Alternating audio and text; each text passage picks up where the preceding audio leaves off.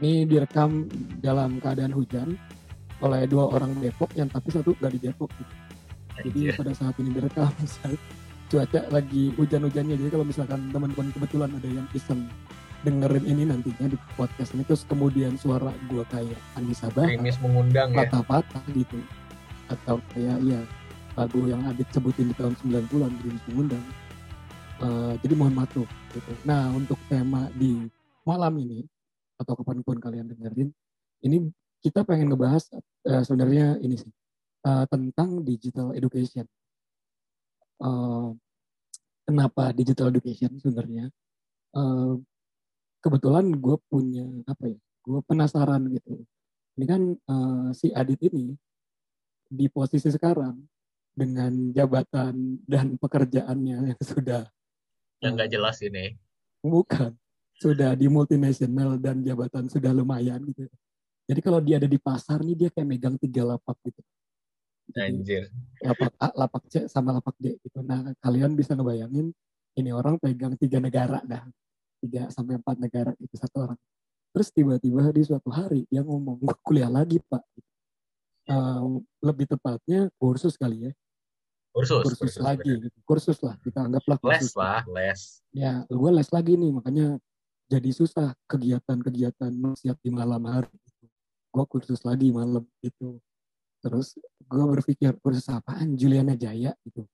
Atau kursus setir? Enggak ternyata dia ngambil kursus yang bikin gue apa ya eh, berkerut adalah kening gue adalah dia kursus ngambil ya digital marketing which is itu adalah eh, expertise-nya dia kali ya keahliannya dia gitu. Sepanjang gue kenalnya orang yang gue tahu dia adalah marketers yang kerjanya di laptop gitu lah. Nah ketika dia ngambil ini lagi terus gue bingung gitu. Nah kebetulan gue punya angle eh, angle apa angle berpikir yang bisa dibawa ke diskusi malam ini gitu. Gue cuma pengen lagi kan formatnya dia ini sekarang formatnya si Adit ini di salah satu tempat kursusnya adalah digital gitu lah. Maksudnya jarak jauh, dianya mah ada di uh, distance mana, learning lah. Ah, ah, distance learning. Cuma gue menanggapi ini sebagai digital education lah gitu. Karena background gue sepanjang karir gue bersekolah yang gak pinter-pinter ini, gue nggak pernah nih dibatasi oleh laptop gitu, dibatasi oleh laptop, dibatasi oleh iPad atau handphone gitu. Jadi gue selalu ada di kelas. Nah, uh, gue yang gue pengen tanya sama si Adit ini adalah, ini eh, bukan format ya. Kenapa lo ngambil kali ya? Kenapa lo ngambil dan kenapa lo percaya sama model pendidikan model digital ini gitu selain karena background lo gitu itu Hmm. pertanyaan pembukanya dulu kali. ya, ya. Menarik sih. Gue baru tuh, baru dengar definisi digital marketer adalah marketer yang kerja di depan laptop. Ya habis gue gue kan Itu- datang dari Itu dunia benar-benar lama ya. definisi yang paling pure, yang paling honest yang pernah gue dengar. Maksudnya kayak Iya iya. simply put gitu loh. Kayak Iya. digital marketing, eh digital marketer apa sih? Ya itu marketer yang kerja depan laptop. Itu udah tuh, udah paling gampang. Gue mungkin bakal dibakar anak agency kali ya yang denger satu aja. Si anjing nih. gitu. Mikirnya tuh kayak emang emang kalau kita kerja zaman sekarang depan mesin tik kali ya Iya. ya semuanya udah pakai laptop lah tapi tapi itu udah paling paling gampang untuk menjelaskan apa itu digital marketing ke generasi-generasi yang di atas kita sebetulnya itu paling Hmm. gampang Hmm. dan karena lu berada di generasi intersection Iya, antara. X to Y ya atau lo boomers to Y Kalau kalau kalau di, di apa namanya? Kalau di- dianggap XYZ itu adalah cuma model marketing eh, cara marketers mengkategorikan orang, kayaknya Hmm, harusnya gue boomer sekali. Ya. iya mentally ya mentally boomers mentally mentally Physically Y ya? iya. Physically X dong. Gaulnya sama Y gitu. Ya ya ya ya ya. Nyari duitnya di Z. Di Z gitu. Ya ya ya. Oke. Nah gimana lu Pak? Kenapa kenapa lu ngambil? Dan mungkin pertanyaan gue adalah kan kalau gue ngeliat lu kayaknya lu percaya banget lu gini simply gini deh nggak usah belajar gitu. Online aja eh, apa online gitu. Lu bela- belanja sesuatu aja online gitu. Just kalau mungkin orang kayak gue iya. agak susah kali mau ini gitu kan. Sebelum pertanyaan nanti jadi lebih. Um, apa ya? Gue nggak ada nggak ada nggak ada alasan khusus sih kenapa kenapa gue akhirnya ngambil les tentang digital marketing, which adalah apa namanya tempat gue cari makan juga ya, industri hmm. tempat gue cari makan gitu. Dan kenapa lo harus les gitu? Mungkin pikirannya sama kayak kayak keluarga gue kali, maksudnya kayak hmm. om gue, tante gue yang yang bilang kalau itu si adik ngapain les lagi? Dia kan posisinya udah lumayan gitu. Kenapa hmm. sih nggak kawin aja malah les gitu? itu tuh sebenarnya kayak gue langsung dalam hati kayak ketawa sih kayak oh hmm. iya, iya.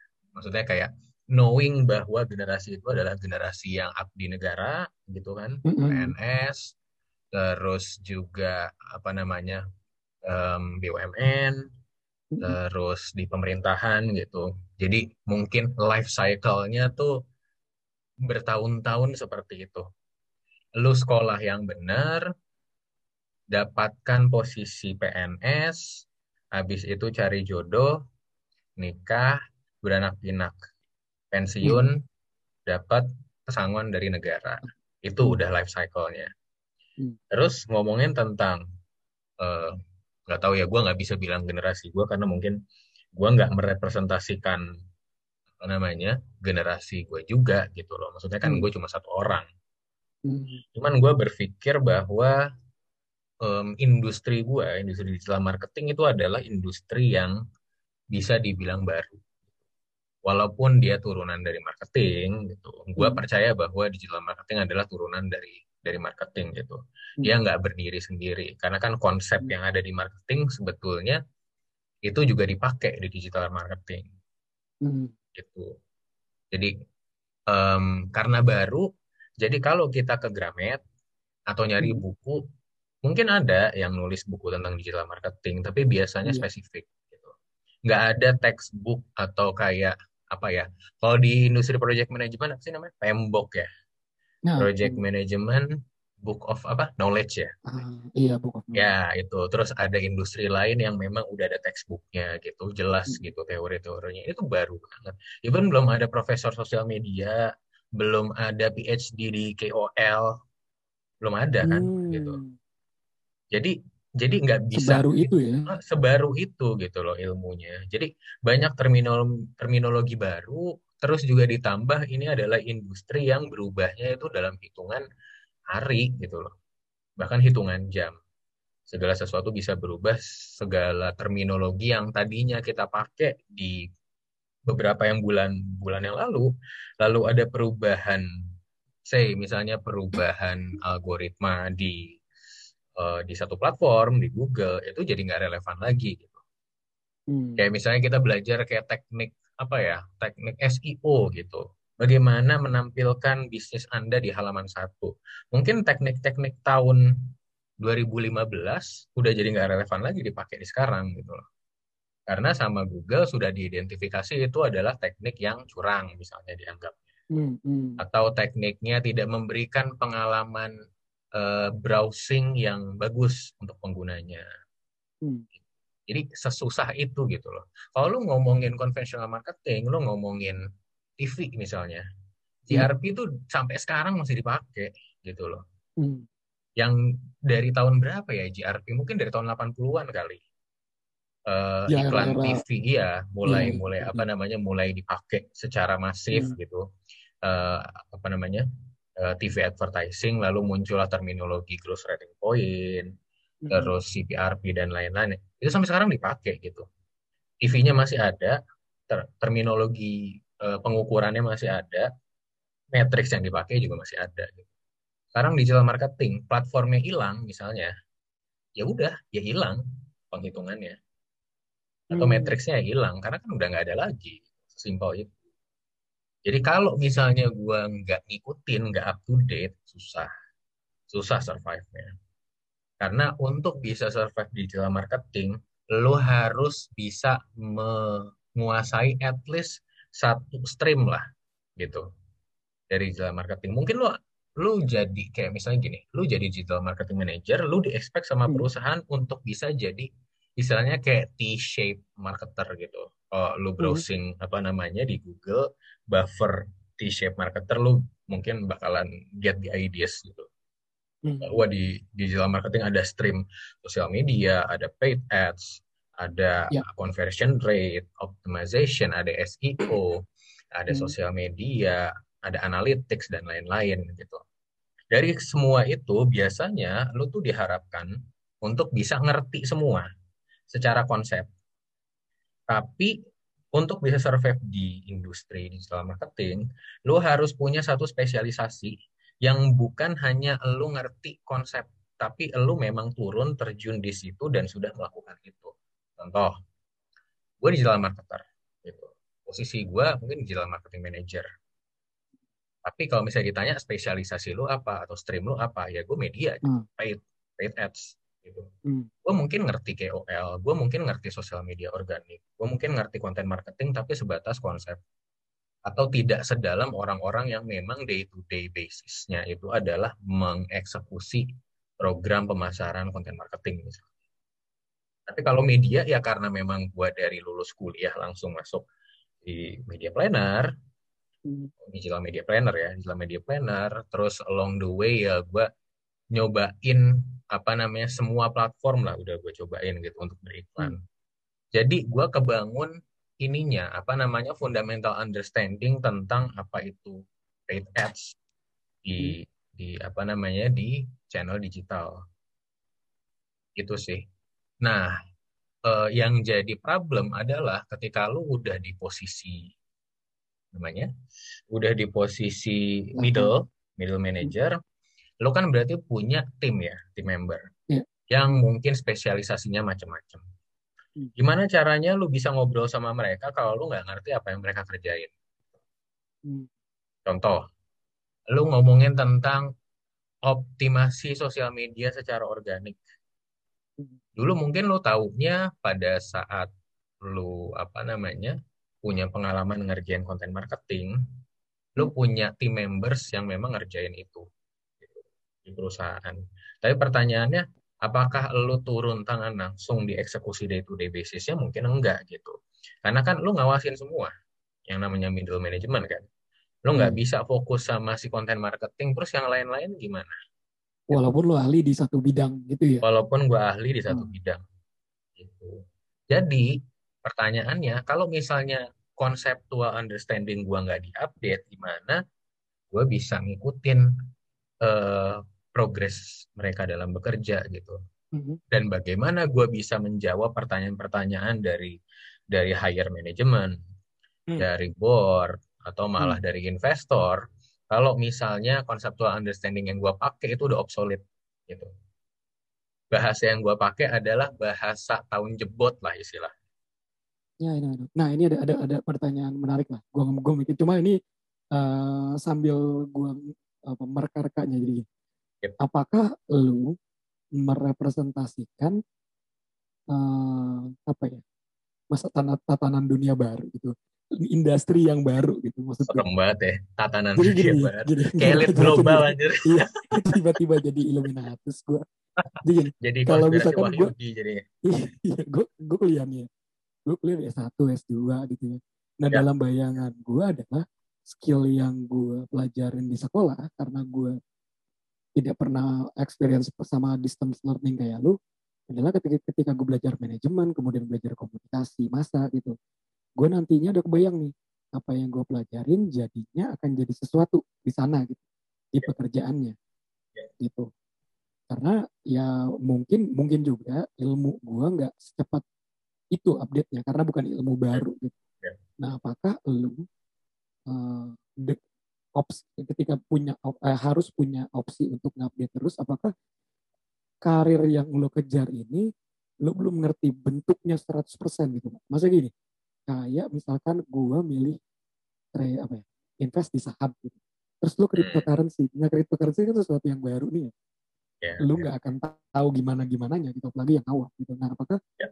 lu mewakili lu ngelihatnya nih lu mewakili uh, industri yang baru gitu dan nantinya semua industri bakalan kayak model lu gitu.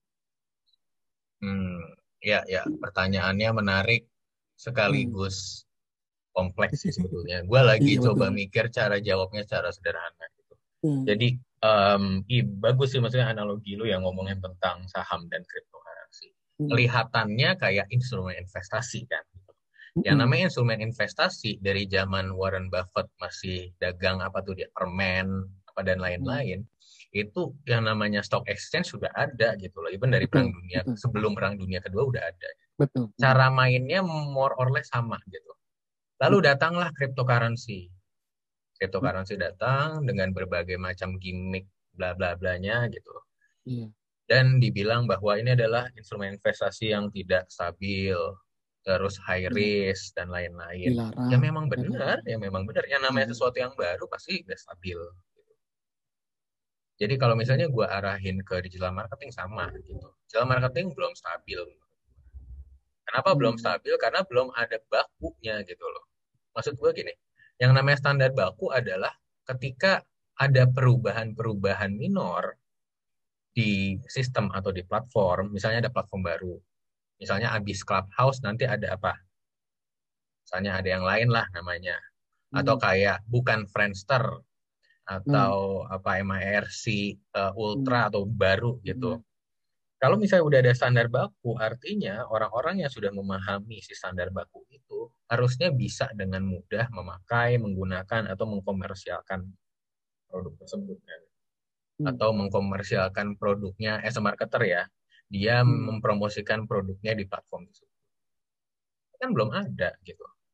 Even terminologi-terminologi yang dipakai kadang-kadang beda gitu loh antara Google, Facebook, Hmm. Twitter, Hmm. Dan kalau misalnya kita coba nyari jalan tengahnya, kadang-kadang juga sulit karena kalau misalnya mereka update baru gimana? Ubah lagi kan? Gitu Hmm. loh. Makanya gue bilang belum ada profesor sosial media tuh belum ada.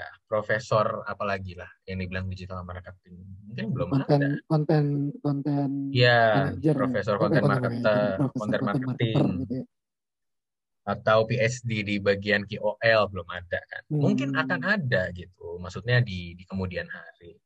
Makanya ketika dibilang ya harus update ilmu ya mesti banget karena belum stabil gitu. Dan Nah, apakah ini? Apakah ini Nah, nah, nah. merepresentasikan industri-industri ke depannya? Iya betul. Menurut gua yang namanya sesuatu yang baru wajar banget belum stabil. Kayak gini deh. Lu balita atau batita deh. Lu jalan aja masih masih miring-miring kan? Iya. Gitu loh. Gimana lu berharap dia bisa lu mintain tolong tolong ambilin eh, papa minum gitu. Hmm. Minumnya eh, teh ya, es teh Hmm. yang ada di teko warna biru gitu. Jalan aja masih miring-miring. Terus lu paksa dia untuk bisa jalan lurus sesuai dengan standar yang lu pikir bahwa kalau manusia jalan tuh harus bisa lurus. Terus nanti dia bisa ngambil apa yang gua suruh terus balik lagi kan nggak gitu. Masih belum stabil. Masih ada proses learning, masih ada proses salah, masih ada proses gagal. Sampai dari akumulasi itu semua, gua nggak tahu berapa tahun lagi nanti akan ada titik di mana itu mulai stabil Hmm. gitu. Nah, gua ultimate goal gua adalah ketika digital marketing sudah sampai di titik yang stabil, gua udah mature di situ. At least Hmm. gitu, understanding gua. Jadi pemahaman yang yang gua dapatkan di digital marketing itu bukan hanya pemahaman dari textbook atau dari baca buku yang even gampang obsolete gitu. Ya. Tapi dari benar-benar ngelakuin gitu loh ngelakuin terus terjun nyobain that's why kalau misalnya lu tanya kenapa gua harus les ya gue juga milih selektif juga lah gue nyari les yang memang mereka menjanjikan benar-benar praktek langsung dari apa yang gue pelajarin jadi Hmm. kayak ada jargon apa eh, lu akan belajar kerja gitu ya. Iya, langsung kerja Hmm. atau kayak eh, dengan mengikuti les kami, kamu akan mendapatkan exposure ilmu-ilmu digital marketing plus kamu akan Hmm. ditantang untuk bisa menjalankan project real dengan real client, dengan real budget. Hmm. Gitu. Jadi benar-benar kayak walk the talk lah istilahnya. Iya, iya, iya. iya. ya kan jadi lu belajar lu bisa ngerti even lu kalau misalnya ditanya lu bisa ngajarin ke orang tapi pertanyaan lu pernah ngelakuin nggak gitu itu kan beda gitu pemahaman dengan lu mengeksekusi lu gagal, lu bikin salah, lalu lu belajar dari salah itu sama lu paham konsep kan beda. Itu sih hmm. yang menjadi hmm. alasan kenapa akhirnya gue ngambil les itu. Iya, iya. Gue soalnya gue teringat dengan waktu gue gue kan kuliah di di ini ya. Gue kuliah dulu di kampus pertanian lah. Mm-hmm. PTN pertanian, pertanian, pertanian.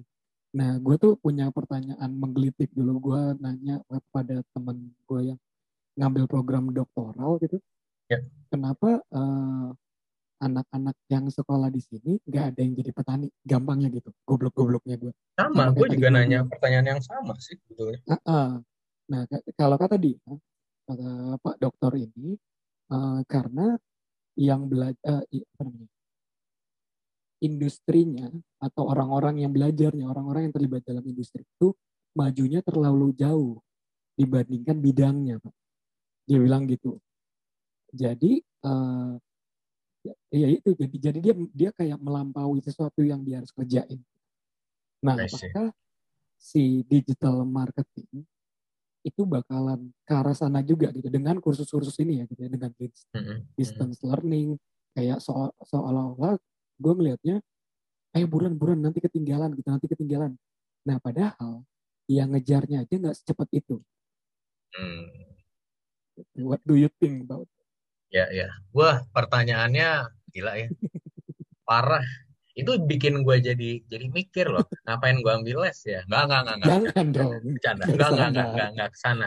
Tapi gini, itu itu menarik sih, karena gini, kadang-kadang apa yang lu pikir, imajinasi lu bahwa apa namanya oh masa depan bakalan gini gini gini gitu hmm. sebetulnya ya bisa jadi iya bisa jadi enggak sih iya betul tapi sebenarnya poin yang gue highlight ke diri gue sendiri gitu gue nggak mau hmm. jadi kayak oh gue influence orang gitu ya terserah mereka sih tapi poin hmm. yang gue tanamkan ke, ke diri gue sendiri itu sebenarnya apa yang gue dapatkan dari pengalaman pahit yang selama ini gue uh, apa namanya gue alamin gitu alami alamin.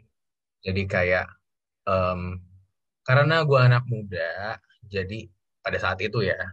Jadi hmm. ketika gue gua mengemukakan gagasan di depan senior atau di depan orang-orang yang udah tua, gue ngerasa ada sentimen kayak ini loh. Ini anak kemarin sore maunya apa sih?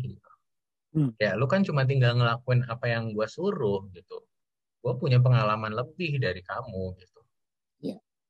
Apa sih yang kamu punya yang saya nggak punya gitu. Mm-hmm. Kan pikirannya ke sana kan. Mm-hmm. Makanya ada istilah apa namanya? Gue lupa. Uh, Bill Gates kalau nggak salah bilang uh, success is a menace kalau nggak salah. Jadi oh, kayak orang-orang yang sukses, orang udah mapan tuh berpikir dia nggak akan pernah bisa gagal gitu. Gitu. Kalau lu udah reach the top, kayak impossible tuh bisa jatuh gitu. Kadang-kadang hmm. jadi kayak jadi kayak mindset ke sana ya? gitu. Hmm. E ya, ya mungkin simply putnya adalah ya ego gitu. Hmm. Terus gue ngeliat lagi gitu ke ke ke case itu dan gue cuma bisa ngomong ke diri gue sendiri. Gimana pengalaman lu misalnya kayak 30 40 tahun itu mendefinisikan mendefinisikan sesuatu yang even belum ada kemarin baru hmm. adanya hari ini. Hmm. How gitu. Kan nggak bisa gitu. Sesuatu yang munculnya tuh baru sekarang. Terus lu berpikir bahwa lu bisa mendefine itu dengan pengalaman lu yang 40 tahun ke belakang. Muncul aja baru. Gitu loh. Jadi dari situlah gue memacu diri gue sendiri gitu bahwa um, apa namanya tiga tiga tiga tiga tiga poin sih. Sebenarnya gue juga dapatnya dari dari internet sih. Ada tiga mm -hmm. tiga jargon atau tiga strong words yang gue suka banget. Jadi pertama itu learn, mm -hmm. unlearn, habis itu relearn. Mm -hmm. Gitu. Mm -hmm. Lu belajar, lu mencoba untuk memahami fenomena di sekitar lu. Mm -hmm. Lalu lu coba unlearn. Unlearn itu mhm. menurut gue tahap yang paling susah banget. Yeah. Karena di situ lu muncul judgment. Yeah. Kayak misalnya gini, gue awal-awal masuk di, di di kursus atau di les itu hmm. belajar pertama kali tentang measuring performance and budget allocation di kepala gue hmm. kayak ya lah gue kan digital planner dari dulu gue kan strategik ngelihat Hmm. tabel gini mah gampang gitu. Hmm. Pada saat gue ikutin, ternyata ada hal-hal baru yang bahkan gue belum pernah make itu sebelumnya. Hmm. Tapi konflik batin di kepala gue itu bilang bahwa ya elah nggak penting kali itu bukan sesuatu yang bakalan ditanyain sama board of director juga anyway ngapain sih gue iya, belajar iya, iya. begituan gitu loh Hmm, hmm, hmm. tapi balik lagi gitu sebenarnya learning objektif gue apa sih di sini ya gue lihat lagi gue masuk sini buat skill boosting gue Hmm. pengen ningkatin skill gue gimana caranya gue bisa meningkatkan kemampuan yang udah ada sekarang naik level Hmm. Hmm. Dan satu lagi eh, yang bikin gue sadar bahwa unlearn itu adalah adalah tahap yang susah tapi pada saat lu bisa ngelewatin fase unlearn itu lu gampang banget buat belajar apa pun Ya, ya, ya, setuju, setuju. itu adalah ketika em, lu coba ngebuang semua yang lu tahu Hmm. sebelumnya benar-benar lu kosongin aja gitu anggaplah lu Ya. benar-benar kayak orang nggak tahu apa-apa terus masuk ke situ dengerin aja udah dengerin terus cerna dari situ em, apa namanya itu akan membawa lu menjadi pembelajar yang mudah menerima apa namanya menerima ilmu atau menerima informasi yang dikasih. Kenapa? Karena kalau misalnya lu belum deal sama sama unlearn isu lu yang punya past experience atau kayak judgment, itu sama aja kayak melakukan sesuatu bersamaan di satu waktu. Lo tuh kan manusia kan nggak bisa fokus di dua hal yang bersamaan kan, Iya. gitu. Pasti ada aja yang membuat distraction gitu. Jadi buang itu distraction, buang itu gelar marketing manajemen, buang itu pengalaman 10 tahun, buang semua. Anggaplah lu bocah nggak tahu apa-apa, ikutan les. Itu lebih gampang lo masuknya. Hmm. Dari situ ilmu masuk, barulah lu ma- eh, lanjut ke tahap relearn. Belajar ulang. Jadi yang udah lu dapat, ya lu praktekin. Hmm. Jangan lu coba mengkonekin dulu sama sama ingatan lu yang sebelumnya. Hmm. Kalau di proses unlearn ya. Pada saat relearn, nanti lu akan, apa ya istilahnya, kayak belajar kembali yang pernah lu pelajarin. Ya. Tapi subconsciously itu akan ngebantu lu untuk connecting the dots sebetulnya. Ya. Jadi jangan taruh pengalaman, gelar, dan dan experience lu itu di depan, tapi taruh di belakang kepala. Pada saat relearn, nanti dia akan connecting the dots sendiri gitu. Karena lu Hmm. udah udah siap gitu loh kepala lu. Itu sih kalau kalau menurut gue ya si learn unlearn sama relearn itu yang yang, yang Iya, penting gue- buat gue. Gue gue per- gini lucunya sih eh, terkait sama proses tiga belajar belajar itu gue tuh eh, percaya sama tiga step gitu. Pertama lu belajar ketika lu mempelajari sesuatu ya lu lu akan akan apa ya pahami peraturannya dulu gitu. Setelah Ya. pahamin peraturannya dulu gitu ya lu akan gunakan peraturan itu untuk mengaplikasikan. Nah nanti tahapan terakhir adalah lu nggak akan perlu peraturan itu karena lu udah udah menyatu dengan peraturan atau apa job apa peraturan peraturannya lah dari situ jadi akhirnya jadi master gitu ketika lu udah berhasil menyatu dengan peraturannya itu sendiri gitu jadi bukan bukan berarti nggak ngerti dengan tekniknya gitu atau nggak pelajarin tekniknya Hmm. gitu ya, ya. nah lucunya adalah uh, proses belajar jarak jauh ini pak gue kebetulan pernah pernah baca lah uh, buku judulnya Freedom Learn dari Hmm. Carl R. Rogers gitu jadi Gue taunya uh, Kenny Rogers pak. bukan bukan jadi ada dua ada Ayam dua ayam ayam rebus apa apa itu ya? Ah, ayam panggang. Eh, panggang Kenny Rogers. Iya, itu eh, pendidikan tentang pendidikan orang dewasa sih. Yang gue ngelihat, gue nggak bisa sebutin poin-poin spesifiknya. Yang Hmm. gue ngelihat itu justru banyak diadaptasi oleh kursus-kursus kayak lu gini yang lo lagi handle gitu, yang lo lagi Hmm. yang lo lagi ikutin gitu. Ya, ya. Eh, lucunya di pendidikan eh, apa namanya? Di pendidikan non distance learning gitu, yang pendidikan normal, conventional education yang gue alamin, gue justru kurang mendapat exposure itu kurangnya. Entah karena gue nggak Hmm. pernah masuk kali, tapi gue melihatnya di di materi baru kayak digital marketing gitu yang lagi lo pelajarin dan gue sempat beberapa kali datang pas lo lagi kursus gitu kan Ya. itu justru kayak dengan itu gitu kayak dengan diskusi dan lain-lain terus bu- buat anak lama nih anggaplah gue anak lama gitu anjir kok gurunya banyakkan diamnya ya ketimbang ketimbang muridnya gitu biasanya nih kalau gue belajar gue banyakkan diamnya gitu Hmm. ketimbang gurunya banyak ngomong gitu jadi kebanyakan telling dari depan kelasnya gitu ketimbang si muridnya ngomong. Nah apakah eh, model pendidikan seperti itu yang yang bikin jadi digital marketing gampang untuk eh, dikulik gitu gampang untuk maju gitu karena model pembelajarannya juga Hmm, ya. ya. Sebenarnya nggak bisa sih. Maksudnya nggak bisa lu bilang bahwa kalau misalnya digital marketing pasti berbanding lurus uh, spirit dan culture dengan digital education nggak bisa. Hmm. Karena ada aja digital marketing course atau digital marketing school yang pakai metode lama juga gitu. Jadi Hmm. kayak jadi kayak satu arah ada aja gitu loh. Terus kan Ini lu ya, tahu pekan webinar ini kali ya kayak webinar-webinar yang tapi yang isi orang strongnya gitu kayak pemerintahnya gitu ya, jadi ya, aja yang ngomong gitu. Ya, cuma ya, ya. formatnya aja digital kalau gitu. Kayak loka loka karya pemasaran digital gitu. Ah, oke, oke. ya kan? Jadinya kan kayak Hmm. resmi terus kayak ada orang penting yang ngomong terus uh, penontonnya tinggal manut-manut. Itu tuh udah anyway menurut gue udah gua- udah udah ke laut sih itu kayak gitu iya iya. Gua- dan gue dan gue pernah ngikutin loka karya itu pak. Ya jadi- ya.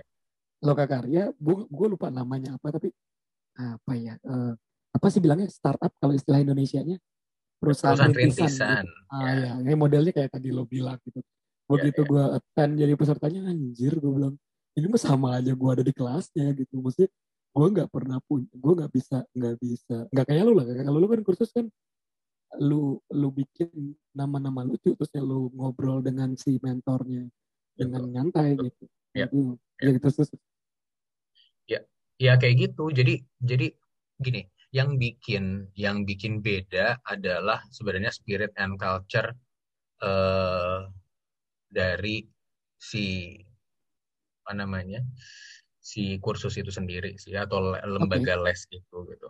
Karena Hmm. gini kalau lo pakai cara lama berarti ini menurut gue ya gue bisa dikoreksi bisa dibantah sama siapa pun.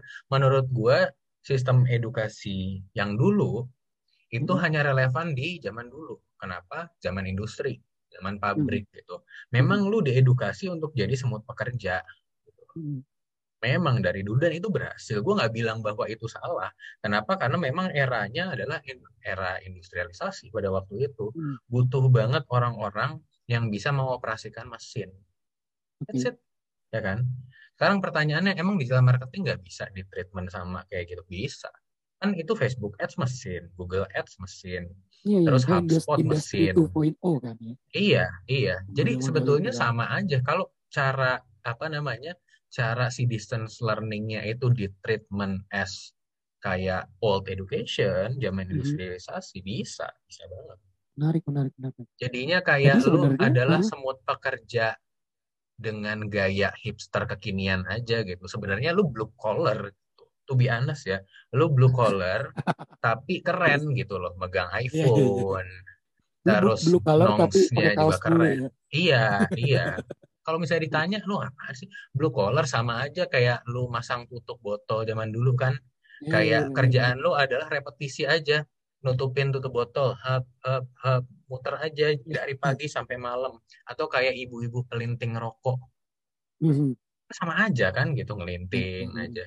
Atau kayak apa namanya eh, buat pengoperasian mesin mesin label air minum gitu sama kan dia tangannya naik turun naik turun dari pagi sampai sore Iya, iya, iya. bedanya apa dengan lu kirim email marketing diajarin klik sini klik situ terus nanti kalau misalnya in eh, keadaannya seperti ini lu tinggal ngelakuin ini aja gitu itu kan kayak lu diinjek dengan dengan ilmu apa ya istilahnya ilmu ilmu praktis aja sih tapi Mhm. sebetulnya mindset lu understanding keunikan diri lu nggak dieksplor gitu sih Nah, gi- gimana? Gue pernah ngobrol sama lu waktu udah lama kayaknya.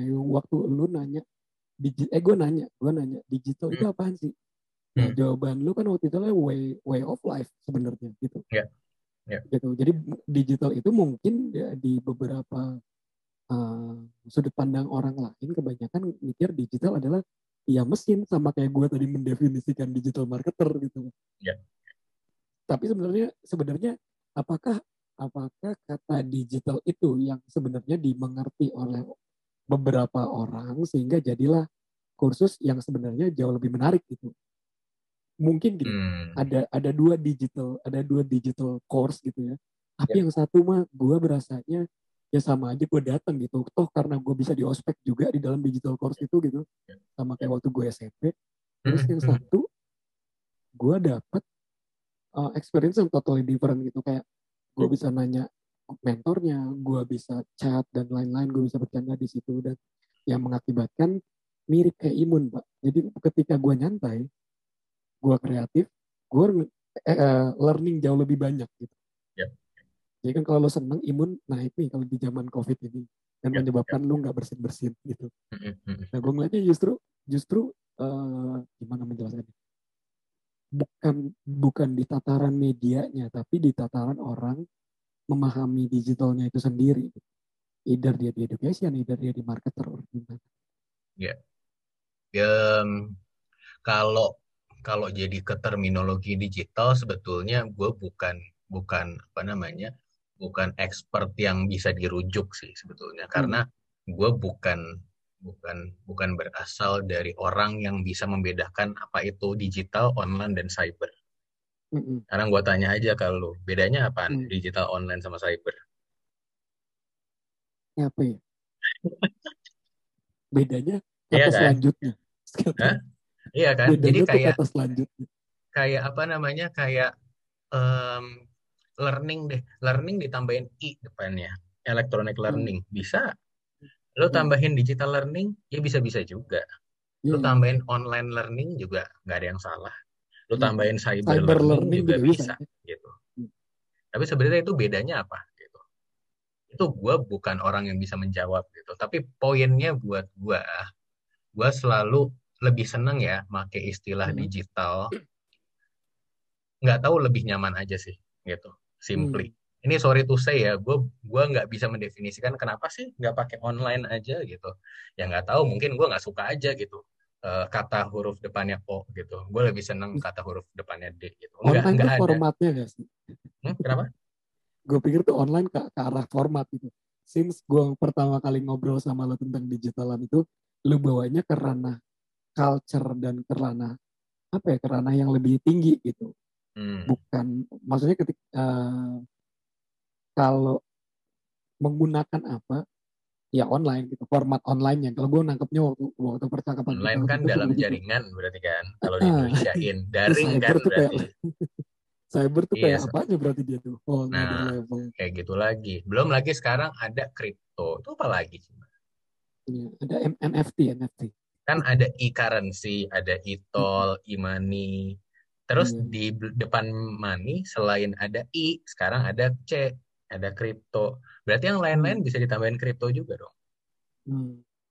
Itu itu yang gue bilang tadi sesuatu yang baru, belum stabil, belum ada expertnya. Jadi Hmm. ini saat yang tepat buat lo yang senang eh, invest waktu ya. Maksudnya kalau Hmm. lu berpikir bahwa waktu lu di dunia ini adalah currency yang paling berharga lebih dari Iya, apa pun, dan lu pengen dapat return sebesar-besarnya dari hal yang paling berharga buat lu kan. Ya. Itu aja, simple itu aja sih. That's why gue kelihatannya dari dulu kayak orang yang yang nggak ngikutin zaman gitu loh. Ya lu tahu Hmm. sendiri kan style gue Hmm. gitu. Maksudnya kayak ini orang apa sih gitu. Kayaknya ya orang lagi ngomongin apa yang tren, kenapa dia beda sendiri gitu. Karena Hmm. mungkin mindset yang gue taro ya balik lagi kayak kenapa sih gue invest gitu. Ini mungkin Hmm. agak keluar dari istilah education ya. Tapi kalau Hmm. misalnya eh, orang mencoba untuk memahami alur berpikir gue, itu paling gampang gitu. Kenapa sih lu invest? Ya gue pengen invest karena masa tua gue, gue nggak mau miskin. Gue nggak mau melarat, Hmm. gue nggak mau tak ditaruh di di panti jompo gitu. Hmm. Sesimpel itu. Jadi gue itu sekarang Adit tahun 2020 itu sehari-harinya melakukan kerja, melakukan belajar, itu untuk menghidupi Adit di 2060 atau 2070 gitu. Hmm. Jadi gue sendiri nggak fulfilling apa yang gue butuhin di saat ini sih. Hmm. Gue nggak tahu konsekuensinya buruk atau enggak. Sebenarnya gue bodo amat sih. Yang penting masa tua gue aman gitu. Karena ya buat gue itu yang paling berharga sih. Si tapi time, edukasi, edukasi time itu kan ini ya. Nah, tapi ini edukasi itu kan adalah investasi yang paling penting itu kalau kata Warren Buffett itu investasi hmm. ke diri lo. Ya. Gitu. Nah, edukasi hmm. itu adalah proses lo berinvest sama diri lo sendiri kalau gue ngeliatnya gitu sih. Ya. Ya. ya lu lu bisa bisa ambil harta sekarang yang gue punya gitu. Lu bisa ngambil semuanya, lu bisa dalam keadaan bangkrut gitu. Ya. Tapi karena lu udah invest duluan ke diri lu, lu akan cepat untuk nyampe stage yang lain gitu kalau gue ngeliat itu. Ya. Itu karena ya, ya gitu. gara-gara itu juga sih. Gara-gara itu juga. Gara-gara edukasi juga. Uh, ya. Gue juga survive sih sebenarnya. Kalau lu kan lebih menghidupi Adit di tahun 2060 ya. Oh iya. Tapi kalau gue gara-gara gara-gara edukasi itu, gue berhasil survive mati di tahun 2020 sampai 2021 itu. Iya. Iya. Yeah. Gue nggak tahu ya. Gue gue mungkin agak-agak aneh sih. Jadi gini, gue kadang-kadang ngelihat ngelihat gini, gue lagi duduk di sini sekarang ngobrol sama hmm. lu, itu berkat hmm. Adit 10 tahun yang lalu, gue bilang, apa yang gue lakukan pada saat SMP SMA, itu yang ngedefine gue sekarang bisa duduk di sini. Gitu loh. Jadi apa yang gue lakukan, terus apa yang gue pilih pada saat gue SMP SMA, itu adalah apa yang mendefine gue sekarang. Hmm. Dan pertanyaannya, apakah gue puas? Gitu. Hmm apakah gue berterima kasih sama Adit di 10 tahun yang lalu atau 20 tahun hmm. yang lalu? Ya jawabannya puas gitu. Tapi kalau di skala 1 sampai 10 ya masih 7 sih. Okay. Gitu. Jadi Ini dari memahami proses, iya, dari memahami itu gue jadi berpikirnya gini. Apa yang bikin Adit di 2060 itu terima kasih sama Adit di 2020? Hmm. Yang bisa ngasih angka 9 per 10 or 10 per 10. Hmm. Itu adalah jawaban apa yang harus gue lakukan sekarang. Itu mindsetnya gue bawa ke situ. Gue ngeliat gue di tahun 2060.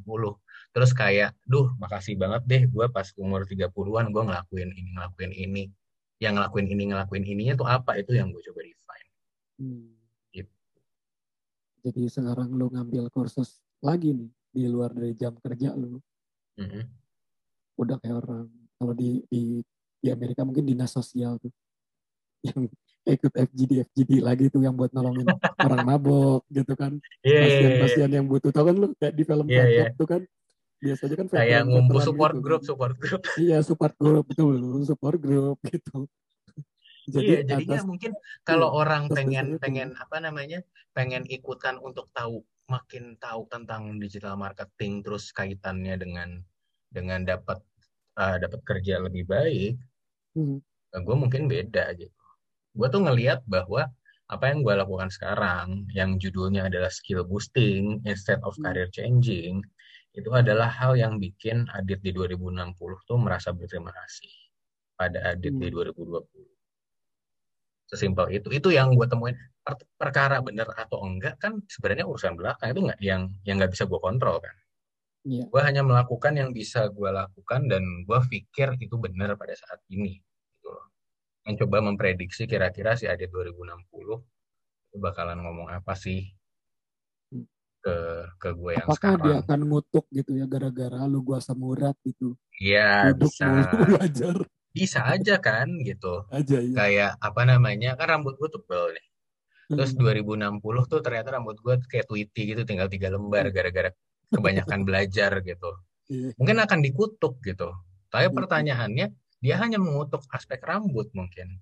Tapi hmm. konsekuensi dari rambut yang tinggal tiga itu hmm. mungkin dia duduk di mana, mungkin dia tinggal di mana. Gitu.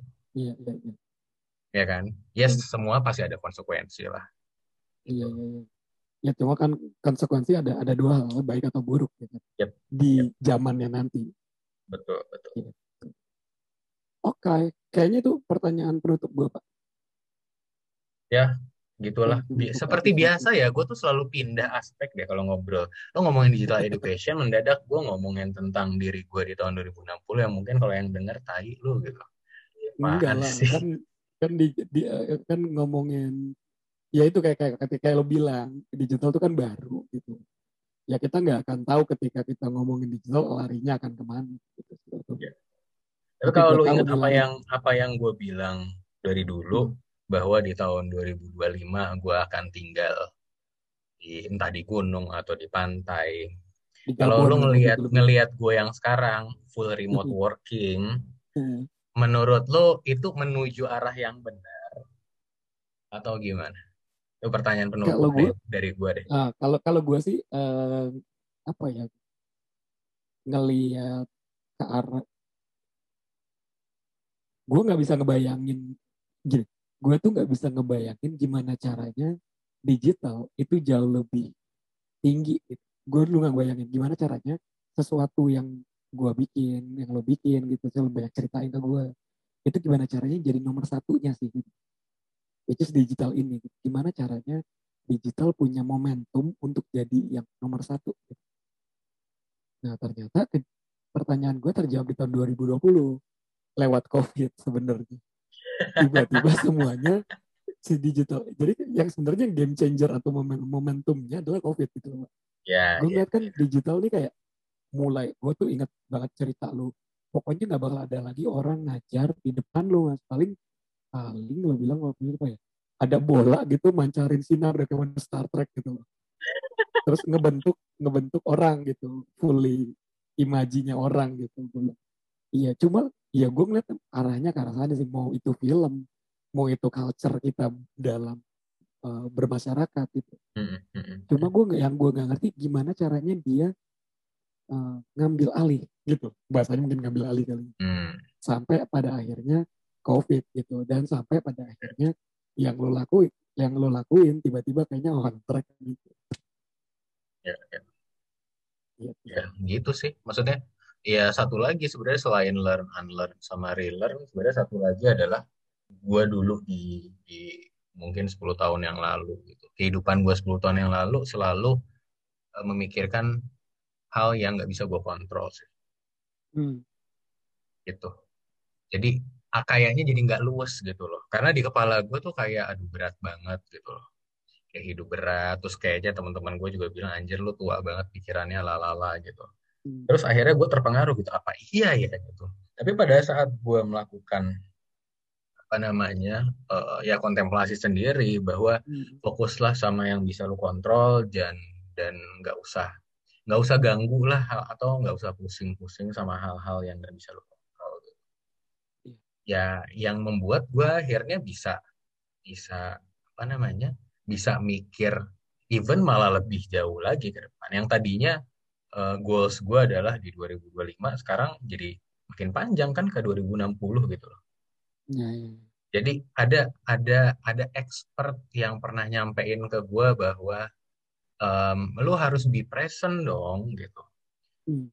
Kalau enggak lu nggak bisa hidup gitu, lu nggak bisa survive kalau nggak be present. Pertanyaannya ya kalau misalnya gue bisa dan lu nggak bisa salah siapa? Itu aja sih. Maksudnya gue dengan preferensi gue kan bisa gue kontrol kan. Ya, ya. dan dia dengan komentar kayak gitu berarti kan dia komentar sesuatu yang nggak bisa dia kontrol gitu. Jadi kayak men, apa mencoba merefleksikan sesuatu yang ada di kepalanya ke orang lain which ya ya masing-masing aja sih kalau gue ya